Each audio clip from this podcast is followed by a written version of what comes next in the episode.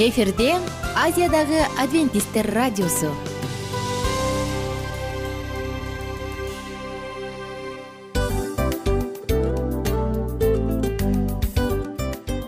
Достор салют.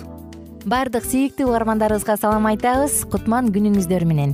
Ден соолук өмүрдүн булагы демекчи саламат саамы программасында баарыңыздарды көргөнүбүзгө абдан кубанычтабыз. Анда алгач амандашып өтөлү арбаңыздар деп. Ден соолугуңуздар кандай элибизде көбүнчө ден соолук кандай дегенде эле жакшы деп жооп беребиз э? ооруп турсак дагы жакшы дейбиз. Анан мен муну айтып ойлойт элем бул абдан сонун сөз депчи анткени бул жакшы деген үмүт да э ооба баары жакшы болот. Баары сонун.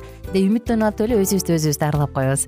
Анысы кандай сиздин дагы ден соолугуңуз жакшы беш деген үмүттөбүз чындыгында ден соолук бул өмүрдүн булагы деп бекеринен айтылган эмес деп ойлойм. Кыргыз элинде анткени эгерде ден соолук жок болсо анда адамдын жашоосунда калган баардык керектүү маңыздуу нерселер өзүнүн баалуулугун жоготуп коет. Ошондуктан ден соолук бул эң керектүү нерсе. Ооба туура айтасың кесиптешим. Чынында ден соолугуң жок бир эки үч күн ооруп калсаң эле э кандай болуп калат? Жашоодо көз каранды болуп каласың көп нерсеге жетишпей каласың көп нерсени кыла албай каласың жада калса эшикке дүкөнгө да чыга албай каласың. Туптуура анан ден соолук болсо демек биз биздин бактыбыз тотой деп койсок болот. Анда достор саламат саамы рубрикабызды баштайлы. Алдыда өзүңүзгө керектүү болгон сонун кеңештерди уга аласыздар. Мына ошондуктан биз менен бирге болуңуздар. Ал эми биз болсо милан жана айнура. Кеттик алга. Алга саламат саама ден соолуктун жарчысы. Саламат саама ден соолуктун ачкычы. Күн сайын сиз үчүн мыкты кеңештер сонун жаңылыктар кызыктуу фактылар. Биздин рубрикада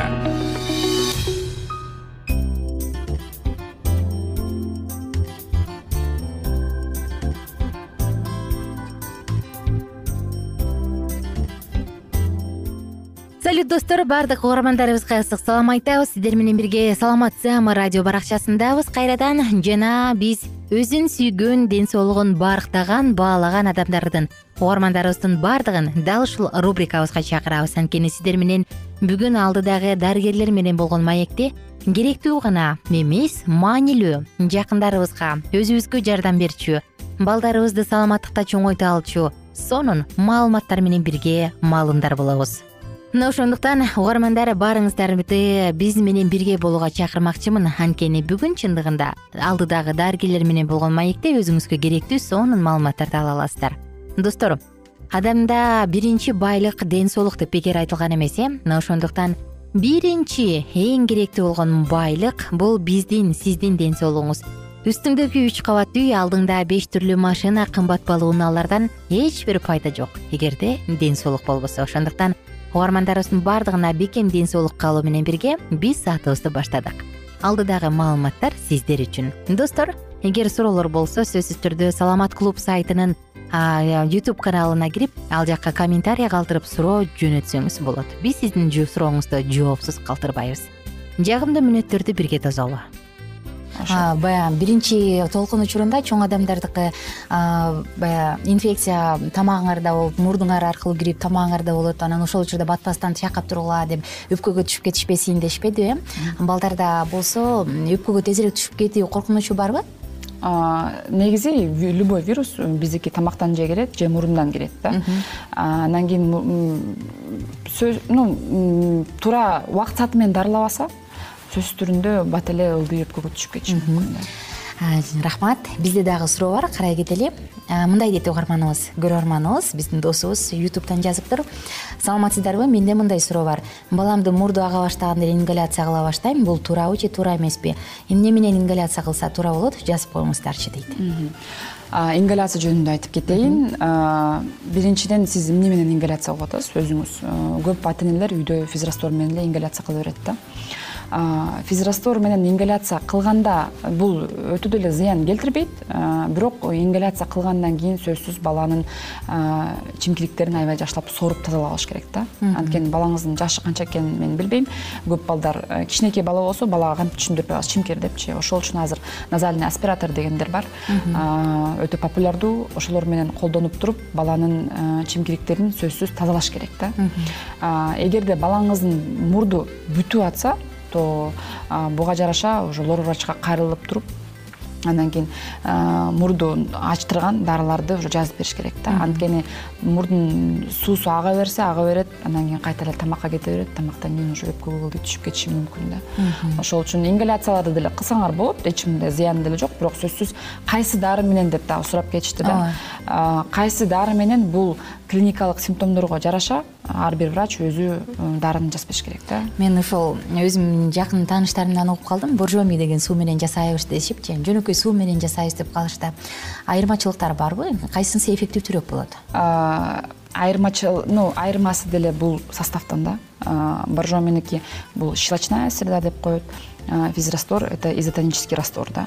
Ошол үчүн э, щелочной неме э, щелочту жаман көрөт да.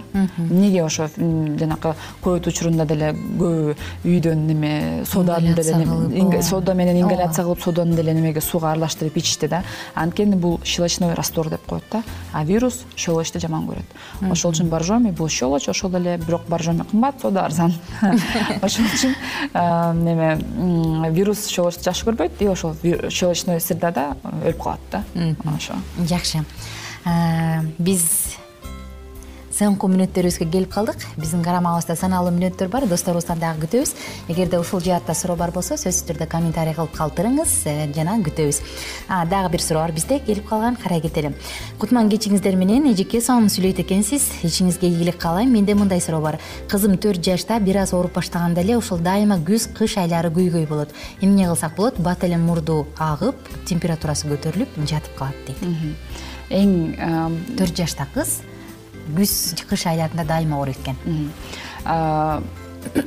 эң биринчи э, эң биринчи эмне кылабыз э, жаңы симптомдор пайда болгондо эле мындай балдар өтө көп сиз кайгырбаңыз сиздин эле балаңыз ушинтип эле ооруп калат депчи. Эң биринчи симптомдор пайда болгондон эле болгондон кийин эле сразу дарыгерлерге чуркаш керек да. Анткени сиз бала ооруп ооруган ооруп баштагандан кийин сиз сразу көрбөйсүз да симптомдордучу биз э, мурунун карап тамагын карап тамагын карагандан кийин уже так билебиз да.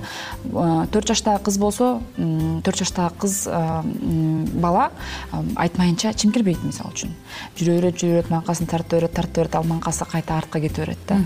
Артка кетирип туруп анын кайта толо берет тамактан тамактан кайта эле баягы эле неме болуп эле кайта ылдый өпкөгө түшүп калат да.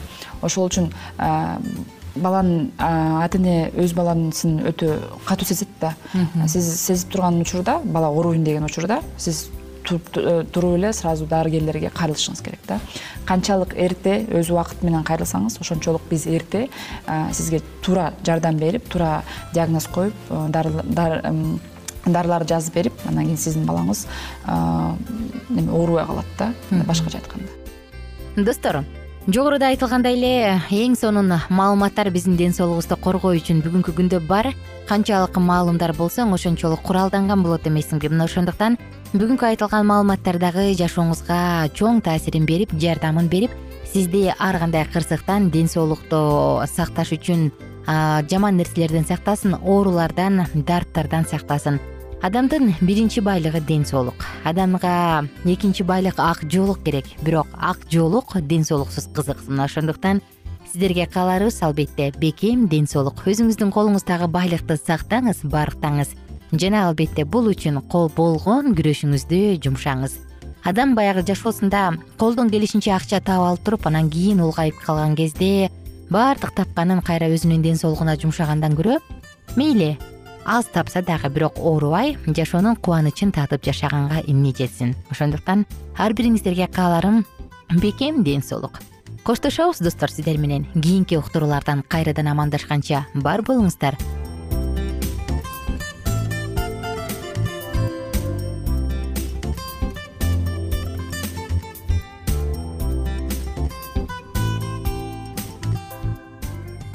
кененирээк маалыматтар үчүн үч w чекит саламат чекит клуб сайтына келип таанышыңыздар.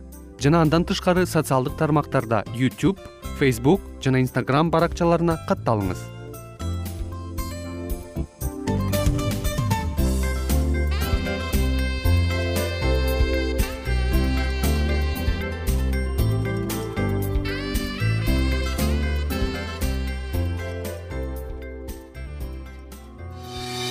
саламат саама ден соолуктун жарчысы. Саламат саама ден соолуктун ачкычы. Күн сайын сиз үчүн мыкты кеңештер сонун жаңылыктар кызыктуу фактылар биздин рубрикада.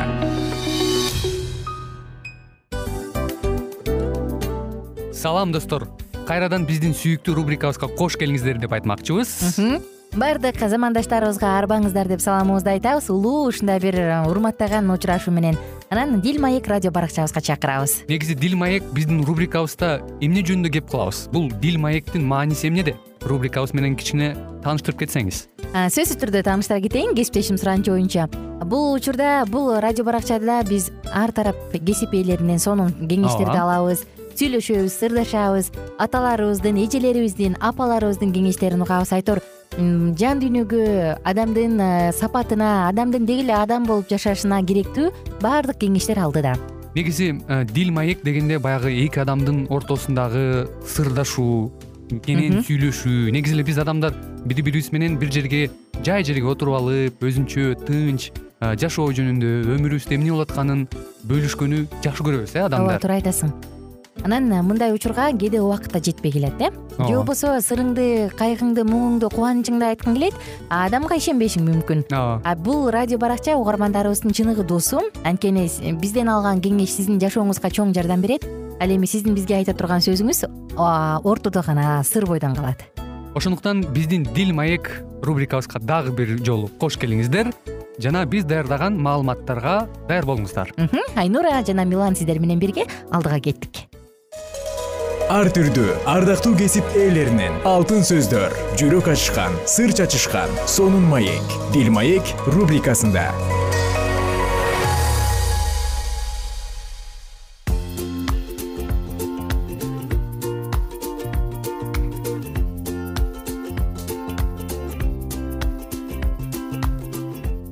салют достор баардык угармандарыбызга ысык салам айтып сиздер менен бирге жагымдуу саатыбызды баштадык. Радио баракчабыздын аталышы дил маек демек маектешип сырдашчу учур бул уктурууда биз тарыхтан сонун маалыматтарды окуйбуз психологдордун ойчулдардын ойлорун окуйбуз жана бүгүнкү темада болсо тарыхтан тагыраагы кудайдын элинин жашоосунда болгон сонун бир окуялар менен бөлүшөбүз. Нундун уулу жашия руханий мурас деп аталган циклды андан ары улантабыз биз менен бирге болуңуздар мусанын убагында ысрайыл эли иордандын чыгышындагы жерлерди түштүктөгү арнон өрөөнүнүн түндүктөгү эрмон тоосуна чейинки жана иордан өрөөнүнүн чыгышындагы бүт жерлерди басып алган. Бул аймакта эки падыша бийлик кылчу. Алардын бири кешпондо жашаган амурлордун падышасы сихон эле ал арнон өрөөнүнүн четиндеги аруэр шаарынан тартып ошол капчыгайдын ортосунан башталып аммон элинин четки арасы болгон жабок дарыясына чейин созулуп жаткан гилат жеринин жарымын башкарган. Ошондой эле кинерет деңизинин чыгыш тарабындагы иордан өрөөнүнөн баштап түштүктөгү өлүк деңизинин чыгыш тарабындагы бейт ашимот шаарына чейин андан ары физга тоолорунун борборлоруна чейин бийлик кылган. Падышалардын бири дагы репалардын акыркы тукуму болгон башан падышасы ок эле. Ал аштарот менен эдрейден бийлик жүргүзгөн. Ог эрмон тоосунан салха шаарына чейин гешурлар менен маахалардын жерлеринин чегине чейинки бүткүл башан аймагын кешпон падышасы сихондун жерлеринин чек арасына чейинки гилат жеринин жарымын башкарчу. Жараткан эгенин кулу муса жетектеген ысрайыл эли аларды кырып салышкан жараткан эгенин кулу муса ал жерлерди рубейин гад урууларына жана манаш уруусунун жарымына энчиги берген. Жашия менен ысрайыл эли иордандын батыш жээгиндеги ливан өрөөнүндө жайгашкан баал гад шаарынан тартып аягы сейир тоолоруна чейин өйдөлөп барган халак тоолоруна чейинки жерлерде жашаган падышаларды жеңип алды. Алардын жерлерин жашия ысрайылдын уулдарына үлүш кылып бөлүштүрүп берди ал жерлер түштүктөгү хеттер аморлор канаандыктар периздер хибилер менен жебустар жашаган тоолор ойдуңдар иордан өрөөнү тоо боорлору чөл жана негев ысрайылдар жеңген падышалар мына булар. Ерихондун падышасы бейтел шаарынын жанындагы ай шаарынын падышасы иерусалим падышасы хеброн падышасы жармут падышасы лакиш падышасы эглон падышасы гезер падышасы дебир падышасы гедер падышасы хорма падышасы арат лебна адулам падышалары македа бейтел падышасы тапуах хайпер апек лашарон мадон шимрон мерон падышасы акшап падышасы таахан таанах падышасы мегидо кедеш кармел тоосунун жанындагы жокнаам падышасы нафат дордогу дор падышасы гилгалдагы гоим падышасы тирса падышасы. Баардыгы болуп отуз бир падыша. Жашиянын жашы өтүп абдан картайып калган кезде жараткан эге ага мындай деди. Сенин жашың өйдөлөп карылыкка моюн сундуң. Бирок басып алчу жерлер али да көп. Ал жерлер мына булар периштелер менен гешурлардын бүт жерлери мисирдин чыгыш чеги арасындагы шихор дарыясынан тартып түндүктөгү экрондун чектерине чейинки аймактар. Бул жерлер канаандыктарга таандык. Ал жерлерге периштелектердин беш падышасы газа ашдот ашкелон гат экрон шаарларында бийлик кылышат.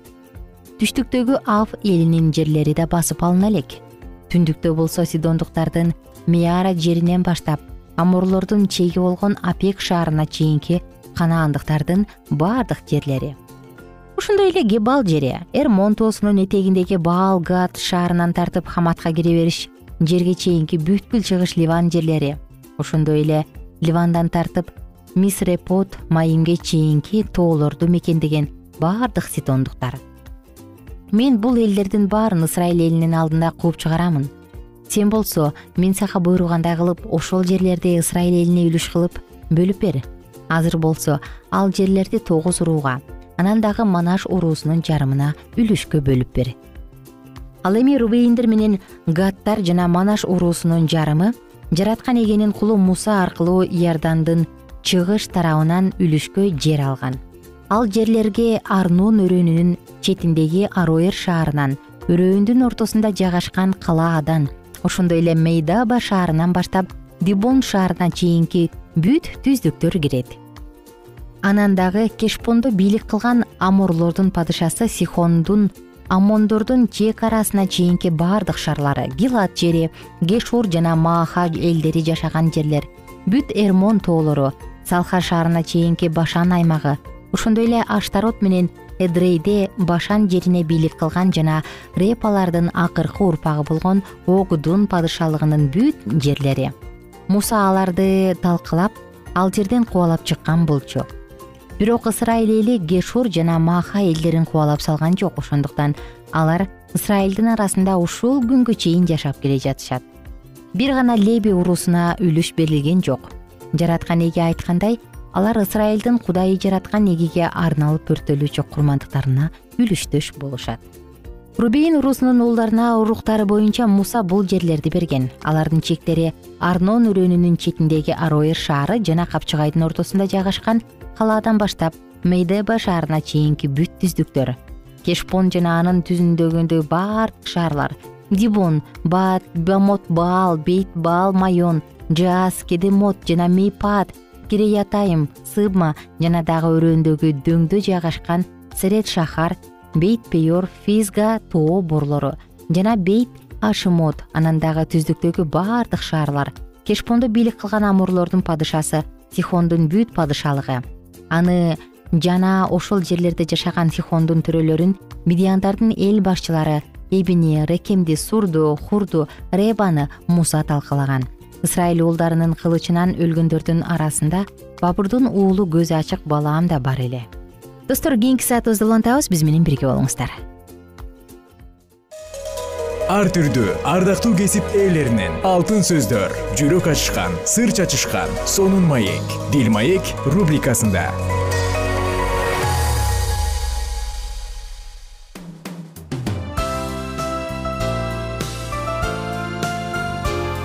эфирде азиядагы адвентисттер радиосу.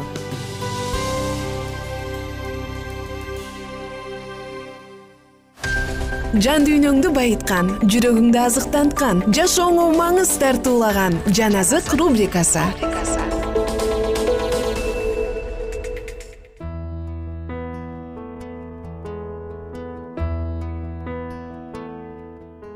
салют достор сүйүктүү угармандарыбыздын баардыгына ысык салам айтабыз. Сиздер менен кайрадан жаназык радио баракчасындабыз. Жана жаназык радио баракчасында аян китебинде айтылган пайгамбарчылыктар жөнүндө сөз кылып жатканбыз.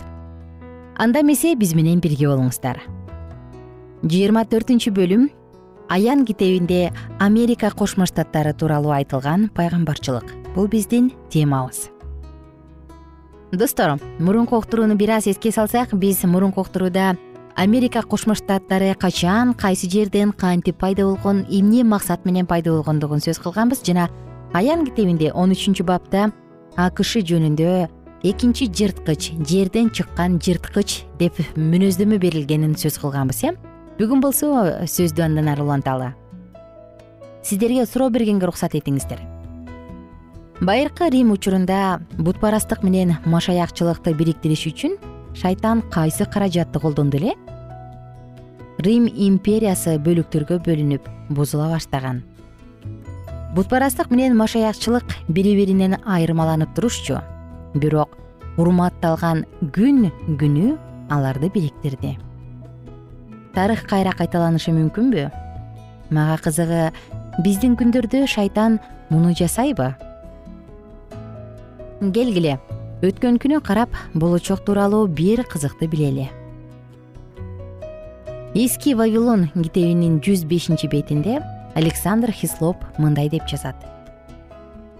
Бутпарастар менен номиналдуу машаяктарды бириктириш үчүн рим өзүнүн катардагы саясатын жүргүзүп жатып машаякчылар менен бутпарастардын майрамдарын бириктирүү үчүн чараларды көрдү. Жана бутпарастар менен машаякчылар азыркы учурда бутпарастыктан алда канча алыс болгон. Башка аспектилердегидей эле мында дагы бири биринин колун кысышы үчүн болду. Бутпарастык менен машаякчылык тээ баштапкы кылымдарда бири бирине кол беришкен да жалпы табынуу үчүн жетинчи күндө биригишкен. Ал эмес америкада дагы жыйын менен мамлекет биригээрин библия алдын ала айтып жатат. Мында жетектөөчүлөр диний лидерлер болушат сиз бул мүмкүн эмес дешиңиз ыктымал силерге тааныш болгон кичинекей кризис тууралуу чогуу эстей кеткенге уруксат берсеңиздер. Бул иш бир миң тогуз жүз жетимиш алтынчы жылы май айында болгон. бир миң тогуз жүз жетимиш алтынчы жылдын май айында америкада бензин абдан жетишсиз дефицит болгон. Заправка бензин куюучу жерлерде жок дегенде бир аз май куюп алайын дегендер унаалар узун кезекке тизилишкен. Ошол жылы бүгүнкү күндөгү машаякчылык деген журналдын редактору гаральд линдселл болгон. Линдсел мырза бензин боюнча көйгөйдү кантип чечсе болоруна сунуш киргизген. Ал мындай деген. Баардык өнөр жайлар бензин куюучу жерлер жана ресторандар дагы жекшемби күнү иштебеши керек. Муну ишке ашырыш үчүн мыйзам чыгаруучулардын атайы адистери күч жумшашы зарыл. Ал карагылачы. Азыр америкада чоң кризис болуп жатат. Бизге жетиштүү бензин сатып ала албай жатабыз. Ошондуктан эгер баардык машаякчылар өздөрүнүн мыйзам чыгаруучуларына басым көрсөтүшкөндө жекшемби күн үй бүлөлүк күн болуп калмак. Биз бензинди дагы үнөмдөйбүз. Мындай жол менен биз американы кудайга кайттырабыз жана күйүүчү майга байланыштуу көйгөйдү чечебиз деген бул анча чоң эмес кризис болчу. Эгер америка чоң кризиске дуушар болсо эмне болорун элестетип көрүңүз. Аян китеби он үч он беште мындай дейт. он үчүнчү бап он бешинчи аятка көңүл бурсаңыздар. Жырткычтын айкели сүйлөш үчүн өз ишин жүргүзүп өзүнүн айкелине табынбаган ар бир адамды өлтүрүш үчүн ага анын айкелине рух киргизүүгө бийлик берилди пайгамбарчылык эркиндик алынаарын эч ким бир нерсе сатып да сата да албай калаарын айтып жатат. Көптөгөн адамдар планетанын индустриализациясы климатты өзгөрткөнүн ал болсо өз кезегинде адамдардын жашоосуна өзгөчө жарды тургандардын абалына таасир тийгизгендигин айтып жатышат. Эки миң он бешинчи жылдын он сегизинчи июнунда папа франциск климаттын өзгөрүшүнө арнап атайы энциклы чыгарган. Жекшемби күн жүйүттөрдүн ишембиси сыяктуу эле. Адам менен кудайдын ортосундагы адамдын өзү менен болгон жана башка адамдар менен болгон мамилесин айыктырууга сунушталат. Жекшемби бул жетинчи күн. Жаңы жаратылыштын биринчи күнү. Теңирдин тирилген адамзаты баардык жаратылган чындыктын өзгөргөндүгүнүн гарантиясы болгон алгачкы жемиштер. Андан тышкары бул документте мындай жазылган. Андан сырткары бул күн кудай менен адамдын түбөлүк уйкусу жөнүндө жар жар салат. Энциклия ушундай жол менен машаякчылык эс алуу менен майрамдын маанисин бириктирет.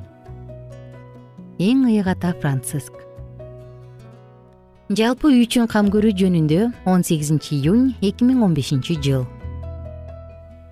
Библияга ылайык бул жерде кандай коркунуч жашырылган? Кайра тирүүлүү болуш үчүн бизге мыйзам чыгаруучуларга кайрылып нравалык принциптерди бекитүүсүн өтүнүүнүн кереги жок. Кудайдан болгон кайра төрөлүү башкача болот. Кандай болот? Биз сиздер менен кийинки уктурууда улантабыз достор бул пайгамбарчылыктар бул сөздөр бул маалыматтар эгер сиздер үчүн дагы абдан кызыктуу болсо америка кошмо штаттары чын эле ыйык китепте жүздөгөн миңдеген жылдар мурун эле пайгамбарчылык кылынганбы? Кызык болуп турса жана анын келечеги эмне болору кызык болсо анда биз менен бирге болуңуздар. Кийинки уктурууда маалыматыбызды андан ары улантып сонун сонун окуялар менен бөлүшөбүз деп кепилдик берем. Кайрадан амандашканча сак саламатта туруңуздар достор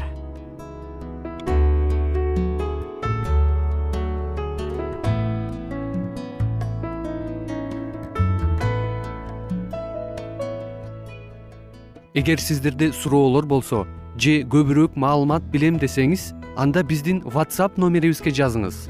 Плюс бир үч жүз бир жети жүз алтымыш алтымыш жетимиш. Кайрадан плюс бир үч жүз бир жети жүз алтымыш алтымыш жетимиш